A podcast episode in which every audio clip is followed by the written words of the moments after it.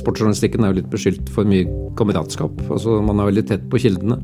Man er jo mange er jo liksom øh, venner og kamerater med, med, de man omgås, fordi man, man, har de samme oppgavene gang på gang. De samme utøverne som møtes. Og da f.eks. da skille mellom øh, når er vi på, på lufta, i gåseøyne. Altså nå er vi i, intervjumodus, nå er vi ikke. It's a disgrace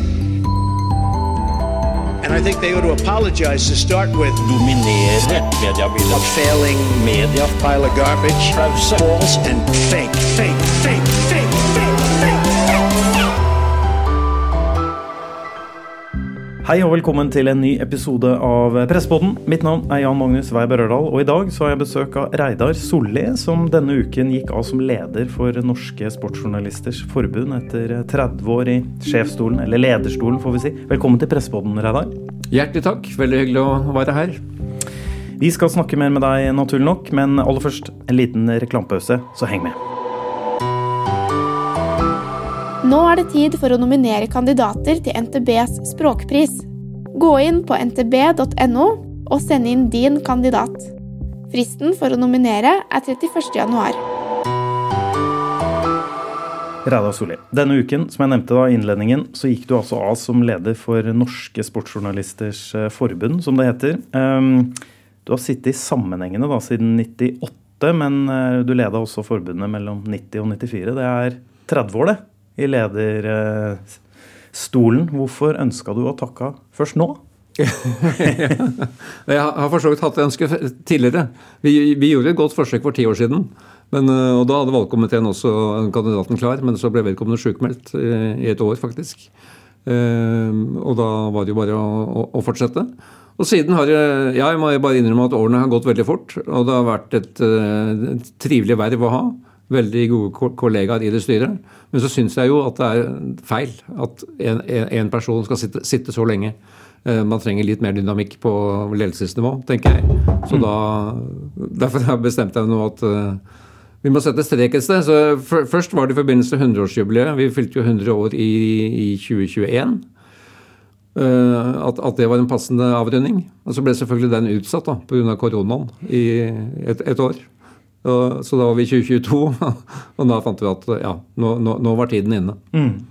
Så du har hatt eh, det virale tittelen her kunne være Reidar Solli har prøvd å slutte i mange år, men nå fikk du det endelig til. Men, hva, eh, men er det andre grunner også? Du, du ønsker å få det litt eh, trappa litt på privaten også, gjør du ikke det? Jo da, altså jeg, jeg, blir jo 67 år i, i løpet, av, løpet, av, høsten og har for så vidt bestemt meg for lenge siden og da trappe betydelig ned jobbmessig. Så jeg går jo offisielt av med pensjon da i, i oktober. Eh, så kommer jeg til nok til å fortsette litt på frilansbasis og holde skriving ved like. Eh, men jeg, jeg, føler meg fortsatt så ung og sprek, så jeg, så jeg må nyte denne pensjonsalderen litt også. Mm -hmm. Men så var det jo litt, eh, litt komisk òg to timer etter at dette møtet på tirsdag var over, så fikk jeg da melding fra um, lederen av AIPS, som er, den, eh, som er liksom verdensorganisasjonen for sportsjournalister. Mm. Som lurte på om jeg ville eh, kunne tenke meg å bli med i etisk komité i AIPS. Så det kan jeg sitte og gruble på nå. Men det får vi ta en runde på i det nye styret før vi bestemmer oss. Mm. Du får jo kanskje mer tid på det, men skal du skal du ta på deg enda flere verv nå? Ja, det er det jeg må vurdere. Jeg må bare finne ut av også hvor tidkrevende det er. da. Ja. Men det er klart vi, det er hyggelig å få forespørselen, fordi Norge har vært, vi har vært ganske aktive internasjonalt nettopp mm, med de problemstillingene som er rundt, eh, rundt journalistikken på internasjonalt. Mm. Det er ikke bare Det er mye mangel på kritisk sportsjournalistikk i verden. Så det har iallfall blitt lagt, lagt merke til, da, så det, det er hyggelig. Akkurat kritisk sportsjournalistikk skal vi også snakke litt uh, mer om uh, etterpå, eller i, i Norge. Men, men, jeg har lyst til å bare nevne også da, Reidar, at du, du, går jo som leder, uh, men du skal fortsette som styreleder for å sikre en myk overgang, skjønner jeg. Hvordan kommer det til å bli da? Det kommer til å gå helt greit. Det var jo et vilkår fra påtroppende, Vegard, om at det måtte bli med litt til. Og det er uproblematisk. Mm. Vi har som sagt et veldig godt samarbeid. og vi nå har det jo vært mye digitale styremøter de siste, siste, årene av nat naturlige årsaker.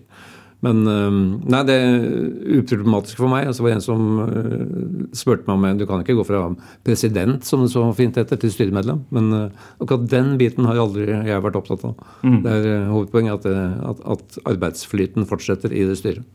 Ja, Vegard, som du nevnte, det burde vi jo sagt innledningsvis. Den nye lederen, eller presidenten, blir jo da sportsredaktør i TV 2, Vegard Jansen Hagen. Eh, han kjenner du jo godt. Hva tenker du om han som erstatter? Veldig godt valg. Han har jo sittet i styret noen år allerede. Så er jo hans utfordring at uh, i den stillingen han er nå, så har han relativt mange baller i lufta. Han kommer rett til Oslo tingrett til møtet på tirsdag. For det sitter det rettssak med Viasat, som jeg skjønte. Men han er veldig opptatt av sportsjournalistikk som fag, og, den, og, måten den utvikler seg på. Og vi har jo starta de siste årene en stor, vårt største samlingspunkt, som er en sportskonferanse i Bergen i, på høsten, med et veldig profesjonelt program. Og der har jo han vært eh, nøkkelpersonen på å få det på beina. Mm, på Media City, ikke sant? Ja. Media City, ja. Mm. Så, nei, så Vegard er jo er veldig glad for at han, han sa ja til å, å overta. Um, du ble jo hylla på årsmøtet eh, på tirsdag. Eh, og nestlederen, eh, eller visepresidenten heter det kanskje da, Gunnar Grinstein fra NRK kalte deg en levende legende, Reidar. Hva tenkte du da du fikk en sånn beskrivelse? Nei, ja. jeg, jeg, har, jeg, har, jo et middels forhold til de mest pompøse vendinger, da. Så, men, så jeg ser meg ikke på som, som en levende legende. Men jeg, jeg skjønner jo alt jeg har holdt på en stund. Og jeg, Det er jo hyggelig at folk setter pris på, på, det jeg har gjort. Så Han holdt en veldig god tale, men jeg trodde han, at det holdt. Men den, han hadde jo en tilsvarende på 100-årsjubileet vårt i, i, i, fjor. Og jeg også ble hyllet på et vis der. Så jeg trodde vi var ferdig med den hyllesten. Men nei, vi tok en ekstraomgang på det. og det var Gode ord fra Gunnar. Og, men ja, legendestatusen skal jeg å leve med. Men jeg er ikke veldig opptatt av det. Men han nevnte eh, ja, Gristein nevnte også at du eh, nyter stor respekt. Eh, og jeg siterer både oppover, nedover og på tvers. Eh, og da regner jeg med han mener både i bransjen og utad til eh, innen idretten. Da. fordi grunnet måten du er på, det du har gjort som journalist og, og, og redaktør. Hva tenker du er grunnen til det? Hva er hemmeligheten til det? Altså på hvordan du har vært i ditt virke? Det er nok ikke noe mer hemmelig enn at eh, det har sammenheng med min væremåte. Og så er jeg ikke så opptatt av hierarki i organisasjoner. Noen, noen er jo det. Uh, mens jeg er uh, Jeg, jeg syns det er utviklende for meg sjøl òg å se et lag som fungerer sammen. og det er jo et godt tegn, kanskje. Vi har jo hatt problemer med utskiftingen i styret. Ikke problemer, men altså folk vil gjerne være der. Og, de som er der, trives. Og det tar jeg som et godt tegn på at uh, vi har en mild form for, uh, for lederstil. Men samtidig veit vi hva vi skal jobbe med, og hvor vi skal videre. Men uh, som sagt, det, det, tror jeg har med, mest med min personlighet å gjøre. Jeg er ikke noen brautende kar som kommanderer hytt og pine. Men jeg er vel relativt flink til å delegere ting og få satt sammen ting, da, tror jeg. Det også, beskriver det også litt Eh, hvordan du er som eh, journalist ute når du møter folk? Jeg er opptatt av, av ryddighet. da. For eksempel, det er, jo, det er jo veldig, Sportsjournalistikken er jo litt beskyldt for mye kameratskap. Altså, man er veldig tett på kildene. Man er jo mange er jo liksom venner og kamerater med, med, med de man omgås, fordi man, man, har de samme oppgavene gang på gang. De samme utøverne som møtes. Og da f.eks. da skille mellom når er vi på, på lufta, i gåseøyne? Altså, nå er vi i, i intervjumodus. Nå er vi ikke. Det er viktig å ha disse bakgrunnssamtalene også, men, men intervjuobjektene må vite når de, når de faktisk intervjues. Og hva, hva, som er profesjonell journalistisk arbeid, og hva som er uh, fritid. Mm. Ja, Det er interessant. Eh, si, si, litt mer, Hvordan har du løst det? Fordi du har jo jobba i, i, mange mange år i, eh, som sportsjournalist. Møtt veldig mange og naturlig, man blir jo godt kjent med folk når du står der i, i, i eh, postmatch-intervjuer og, og, i pressesona gang etter gang. Eh, hvordan klarer man å skille på det og være vennlig, men ikke bli veldig gode venner, f.eks.? Ja, nei, det, det, er en utfordring, og det er ikke alle som klarer det. Altså, vi, vi er, må jo få lov til å nevne min gamle diskusjonsduellant Jan Åge Fjørtoft. som kanskje er kjent for den som har flest hatter på hodet. Som er både kompis med utøverne han stadig intervjuer, men som er jo dyktig i, i det håndverket han gjør. Og Det er en grunn til at han har den posisjonen han har. Men det, han er et veldig sånn godt eksempel på, på problemet. da. Og dette er jo egentlig enda, enda mer synlig i lokalavisjournalistikken, antagelig. Hvor, hvor, man er enda tettere på, på de samme utøverne. Nei, altså jeg, er, jeg, kommer nå nettopp fra en jobb med, med Lyn damer, daglig leder der. Og da det er jo sånn nå at nå skjer jo alt på iPhone, så jeg tar opp samtalen der. Og da, etter litt småprat før og etter, så sier jeg at nå starter vi intervjuet. Trykker på knappen, og så når jeg trykker på knappen, så er det slutt. Det, så jeg er opptatt av ryddighet da, i den sammenheng. Jeg mm. husker Halvard Thoresen på 80-tallet klagde litt over det der. Når han traff sportsorganister sportsjournalister på, på smuget i Oslo etter landskamper. Er vi, blir jeg intervjua nå, eller bare prater vi sammen, liksom? Og det, syns det er viktig å holde, å, å holde rollene atskilt. Mm. Ja, de utfordringene er det vel eh, nåværende fotballspiller også som sikkert eh, kjenner litt på. Um, jeg bare tenkte jeg skulle også spørre deg, Reidar. Eh, vi har jo nevnt Norske Sportsjournalisters Forbund her. Eh, jeg veit jo godt hva det er. Jeg har vært medlem der sjøl. Kan jo si det også for åpenhets skyld. Er ikke det nå lenger, da. Men, så jeg har hatt deg som president, da. Det er greit å si. Ja, ja. Eh, men kanskje noen som lytter på den poden som tenker hva er det? Sier seg jo sjøl ved navnet. Men hvis du skal si hvem dere er og hva dere gjør, hva ville du sagt da? Ja, det er, det er jo først noen som tror at vi er en fagforening, og det er vi jo ikke. Vi er en interesseorganisasjon for sportsjournalister som ble stifta allerede i 1921. Og det er jo da for å, ja, for å sørge for eh, faglig, et, et, faglig mm, forum, uh, først og fremst. Og så um, har det etter hvert um, utvikla seg til at vi har samarbeid med både Fotballforbundet og Skiforbundet om rett og slett våre arbe arbe praktiske arbeidsforhold ute på arenaene. Uh, at det er en, et minimum av av tilrettelegging, og slik at, at pressen behandles likt. At man ikke, ikke avhengig av at man kjenner noen for å få gode arbeidsforhold. Og så har vi også da etter hvert det har blitt mer rettigheter og akkrediteringer til forskjellige store mesterskap. Så når det f.eks. nå er ja, Til alle OL så er det jo vi som fordeler akkrediteringene i norsk presse. Som kan være en uh, stor utfordring av og til. Mm. Uh, så nå har vi akkurat ferdig med å fordele til Paris i 2024, OL, OL der. Begynner tidlig. Begynner tidlig. Uh, apropos akkrediteringer, så det er jo Lillehammer 94 selvfølgelig som er høydepunktet der, hvor norsk presse hadde 240 akkrediteringer, tror jeg. Og jeg husker um, det var jeg og en som heter Stein Erik Kirkebø, som var i Aftenposten, som hadde liksom ansvaret for det. Og vi, kvelden før åpningsseremonien fikk Siste søknad fra Gateavisa, som ville ha to, to plasser. de har vel ikke vært og dekka mange vinter-OL etter det? Det var første og siste gang de hadde eh, bedt om uh, akkreditering til et sportsarrangement. De, de, de var dessverre litt, uh, litt seint ute. Mm. Men så er vi også opptatt av sportsjournalistikken som fag. da, Å få økt bevissthet og økt respekt for den. Så at vi da har har noen faglige møter i, i, løpet av året hvor vi diskuterer interne problemer og også har, eh, har innledere. Mm -hmm. Så nå, sist nå på årsmøtet hadde vi jo fra Fotballforbundet og innføringen av VAR nå fra 10.4 i norsk fotball. Mm. Og hvordan vi skal forholde oss til uh, dommerne. Det er sju dommere per kamp. Hvem skal vi snakke med? Uh, det som ikke er avklart, hva skal TV 2 vise av når en VAR-situasjon oppstår? Skal man f.eks. vise dialogen mellom dommer og VAR-rommet? Det er sånn, slike tanker man leker med nå. Så det er eh, ja, det er stort sett hovedoppgavene vi, vi, vi sysler med. da. Mm. Men opptatt, veldig opptatt av faglig fellesskap og bevissthet rundt vår egen rolle. Nå er det tid for å nominere kandidater til NTBs språkpris. Gå inn på ntb.no og send inn din kandidat. Fristen for å nominere er 31.1.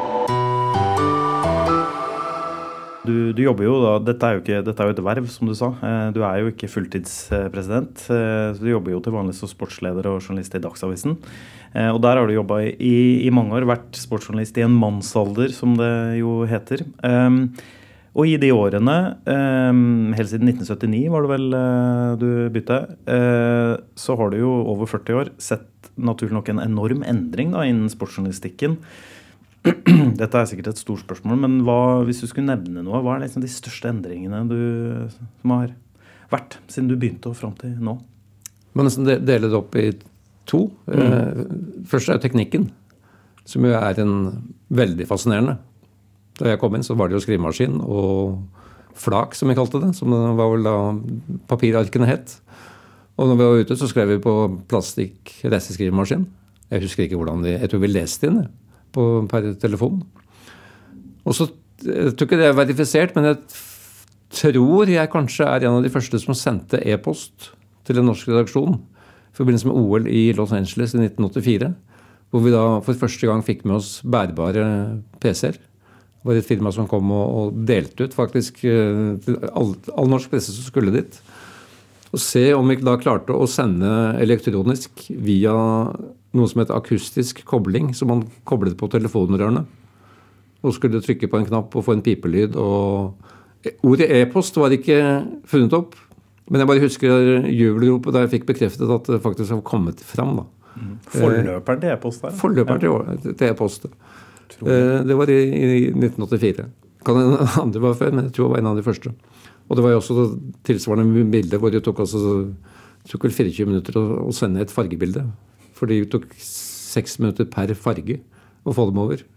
Og det skjedde jo da på, på samme måte. Så den teknologiske utviklingen er jo, er jo, helt enorm, men også veldig fascinerende om hvordan vi klarer å, å utnytte det. Eh, og så selvfølgelig mm, hamsterhjulet, som da går fortere og fortere. Vi hadde jo, jeg husker jo at det var et lite hvileskjær når, når, vi kom til fredag kveld. Når vi var ute på store begivenheter. Og da faktisk hadde i gåseøynene fri for, for, for levering til, til, søndag kveld. Når mandagsavisa skulle lages. Mm. Mens nå er det jo ikke noe som heter deadline lenger. Det er jo bare Løpende. Få det på. Løpende. Få ja. det ut. Få det på. Mm.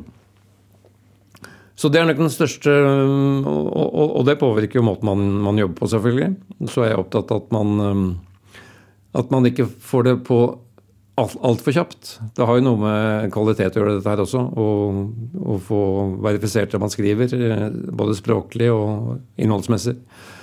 Men, eh, men, samtidig har vi jo da Det positive er jo at uh, måten å tenke journalistikk på har endret seg mye også. Det, mye, det, er jo masse mye mer kritisk sportsjournalistikk nå som ikke, ikke fantes da jeg begynte på kom inn i, særlig på 80-tallet. Mm. Det utviklet seg litt på 90-tallet. altså Rundt Lillehammer-OL var det jo masse, masse styr med hvor kritisk sportsjournalistikk skapte en del um, situasjoner. da. Det var jo, OL på Lillehammer var jo faktisk i fare på det, på det verste. Da det støya som verst rundt den daværende IOC-presidenten Samaranch. Så det, det, er ikke helt nytt, men det, er blitt mye bedre og mye mer, um, mye mer um, ja, planmessig. Og redaksjonen er mye mer bevisst på det nå, da. Men det er dessverre bare de største redaksjonene som antagelig har ressurser til, til, å kunne gå inn i graveprosjekter. For det, det tar jo både tid og, tid og mannskap. Ja, for det er jo en ting, teknikken og sånn åpenbart, med, og digitale skifte ikke minst. ikke sant? Men, men også selve journalistikken har jo endra seg ganske mye, som du sier. Det der med graving som du nevner, er jo, det er jo egentlig litt nytt, eh, nyendring, som jeg sjøl også har observert. Hvor som du sier, de store redaksjonene nå har jo sine egne gravegrupper. Det er jo ikke så mange år siden det ikke nesten ble snakka om i de store redaksjonene. Hvordan har du opplevd den endringen? Nei, det, det, Jeg er jo glad for at de store redaksjonene, både, og da nevner det er jo spesielt NRK, TV 2, Dagbladet og VG og dels Aftenposten, som har, som har ressurser til å gjøre det. Jeg veit at det er flere som ønsker det. Regionavisen er flinke òg, men, men, men, men, klart det er mannskapsmangel og prioriteringsspørsmål. Sportsjournalistikk er jo veldig mye her og nå, og, og, ting som skjer. Og det er vel den fagen av journalistikken som kanskje har flest sjangere. Altså Du har både fra kommentatorplass, eh, som skal skape entusiasme og, og formidle jubel og glede, til, eh, ja, til alle former for journalistikk. da. Uh, og det er veldig fascinerende å kunne Ja, de, de, no, noen må drive med alt. Det er kanskje ikke lurt, men, uh, men uh, nye påfunn og kreativiteten kommer ofte for, først på, på, sporten, har jeg ofte inntrykk av. Mm. Um, ja, og det um, så Det syns jeg er den spennende, spennende, delen fortsatt. Og jeg, jeg opplever fortsatt at vi er i en enorm prøve- og feile, feile-fase, nesten. Mm. Um, er det um, Opplever du også at um, sportsjournalistikk kanskje har litt høyere standing nå enn tidligere? Altså Pga. dette med graving og, og, og, litt mer sånn hermetegn seriøs journalistikk? At det ikke bare er tidligere Du nevnte jo der, fått kritisk for å være litt eller få kritikk for å være ukritisk eller bli sånn jubeljournalistikk, sånn hurra meg rundt, uh, kun følelser og, og engasjement, men uh, ja, og så har det hjulpet også, og det har jo vært fra start 100% mannsdominert. Altså fra 1921 til 1976 så var det kun menn og, gutter som, som drev med dette her. Eh, du nevnte forbundet. Glemte vel å si at vi er vel fem, rundt 570 medlemmer nå, hvorav eh, noen og 70 kvinner. Så vi er oppe i en prosentandel på litt over 13, og det er da rekordhøyt. Men det har også mye å si for uh, måten journalistikken endrer seg på. Vi får nye innfallsvinkler. Um, kjempeviktig at den andelen øker. Fordi uh, vi er forskjellige kjønn, men, og, vi ser litt forskjellig, på ting. Og, og, det har skapt også en ny dynamikk. At vi får kvinner inn i både journalistikken og i lederposisjoner i, i dette faget. Mm. Så det har også vært med å Og det er også, bidrar også til å øke anseelsen, tror jeg, da, i, mm. om, om yrket.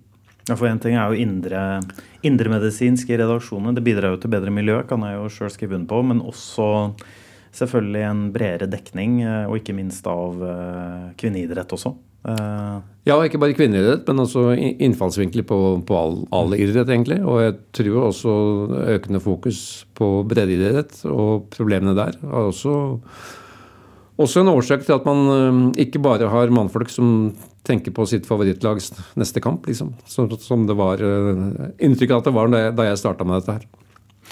Jeg må også spørre deg, Reidar, siden du, du, har jo nevnt eh, en del Dro noen historiske linjer her med Lillehammer-OL osv. osv. Når du har jobba som sportsjournalist eh, i, i, over 40 år eh, og snart skal gå av med pensjon, eh, høydepunkter som sportsjournalist, hva nevner du da? Er det Lillehammer, eller? Det er veldig mange som nevner det, men er det altså, events å være på?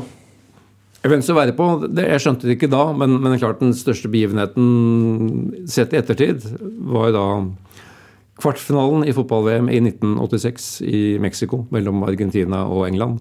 Fordi den, tiden, den kampen i ettertid mm. er jo vokst til sannsynligvis verdens mest berømte fotballkamp. Guds hånd osv. Guds hånd, ja. Som hadde vært i dag, hadde jo bare ødelagt alt sammen. Men uh, jeg satt da på prestebunnen der, husker jeg, på Azteca stadion i Mexico sammen med um, Davy Vatne, husker jeg, og, og disse um, forfatterne. Jon Michelet, Dag Solstad, uh, som vi dro til denne kampen på. Og um, vi, bare, vi satt jo sikkert 150 meter unna der det skjedde, i nesten 40 varmegrader. Og var jo nesten svimeslått. Men så jo disse situasjonene. så Morsomt å tenke på ettertid. Jeg har vel skrevet mer om den kampen et, etterpå, tenker jeg, i forbindelse med nye vendinger med, rundt Maradona enn en, en jeg gjorde da. Så det, det er sånn um, et lite høydepunkt som skiller seg ut. Og så er det selvfølgelig 90-tallet, som var, egentlig var uh, kanskje gullalderen både for, for, norsk idrett, ja. for norsk idrett og uh, mye for uh, i hvert fall papiravisene. Det var vel da det var, opplagene var på det høyeste. Så 94 skiller seg ut med både Lillehammer-OL og fotball-VM i USA samme sommer. Skapte jo litt utfordringer for budsjettene i de forskjellige redaksjonene. Men som sagt, det var gullalderen, så det var jo nesten fri flyt. Og så husker jeg disse teamene som jeg fikk den gleden av å lede i A-pressen, som var ute på store begivenheter, hvor vi da plukket folk fra lokalavisene som hadde spisskompetanse på sine utøvere. Og den lagfølelsen der, eh, den savner jeg jo delvis litt nå, men det var, det var, jeg har god kontakt med mange av de, de fortsatt. Mm. Det var et veldig sånn kollegialt, uh, profesjonelt miljø som hadde det veldig hyggelig, og som skapte veldig mye bra journalistikk. Mm. A-pressen er jo liksom, skal vi si, forløper til Amedia i dag, da. Ja. Eller riktig å si. ja. Ehm, jeg må bare spørre deg, når du nevner Gudsson Maradona 86, eh, så du at det var eh, hens allerede fra tribunen her, eller ble det klare etterpå? Fordi på TV-bildene er jo så åpenbart, selvfølgelig. Ja. Men på, fra pressetribunen? Nei. Som sagt, vi, sa, vi satt 150 meter unna. Det var ingen monitor vi kunne se på.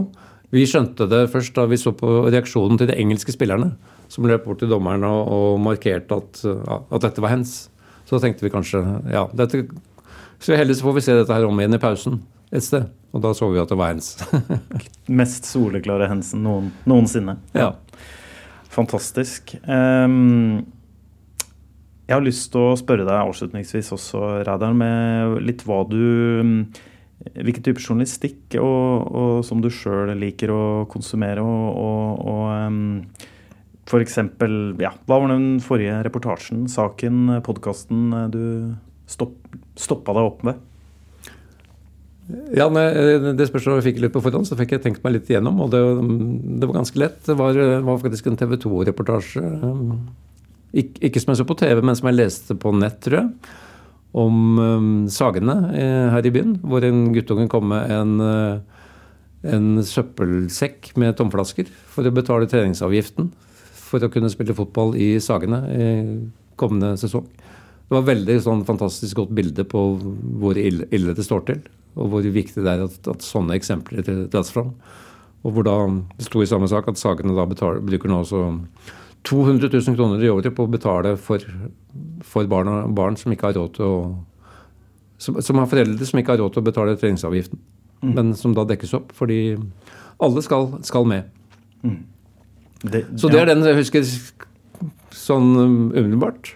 Og så må jeg bare nevne, Jeg driver en podkast i Dagsavisen som heter Trikkeligaen. Som handler om lokalfotballen i Oslo. Hvor vi da inviterte byråden, fra, som har blitt skjelt ut fra samtlige klubber i Oslo for kunstgresskaoset her i byen. Så da møtte han opp i vår podkast med bagen full av kunstgressprøver fra Tyskland. Det syns jeg var um, offensivt av han, og, og, og, spennende for en forelesning om at han faktisk hadde vært ute og henta det sjøl. Det, det er et, et lite, en kuriositet som jeg husker. Fra fersk historie. Mm. Og så må jeg nevne altså Qatar, dekninga av VM i Qatar. Som jo, det har aldri vært større fokus uh, rundt hvordan norsk presse skal dekke et mesterskap på enn det.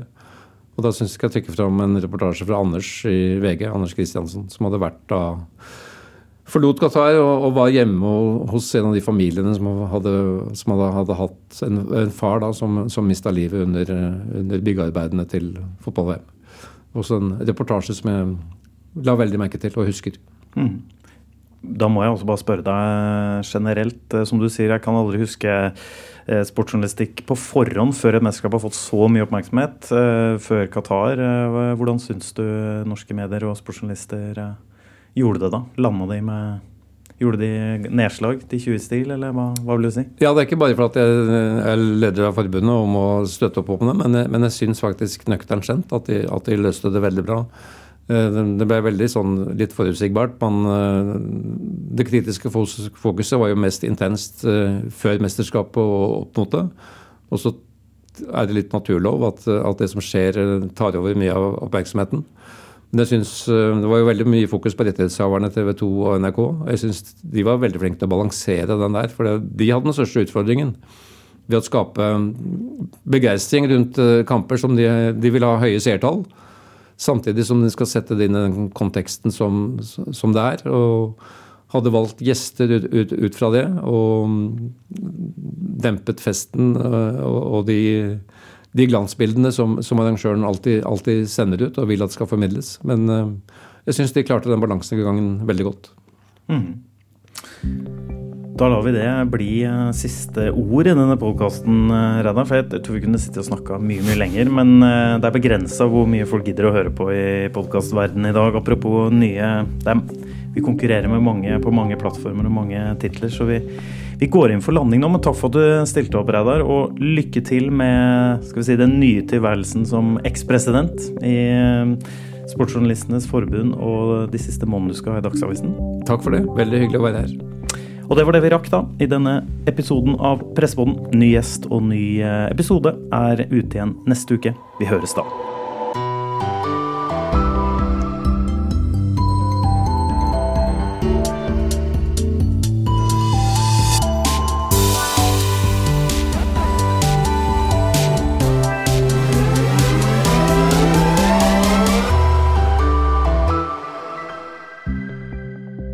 Er det tid for å nominere kandidater til NTBs språkpris. Gå inn på ntb.no og send inn din kandidat. Fristen for å nominere er 31. januar.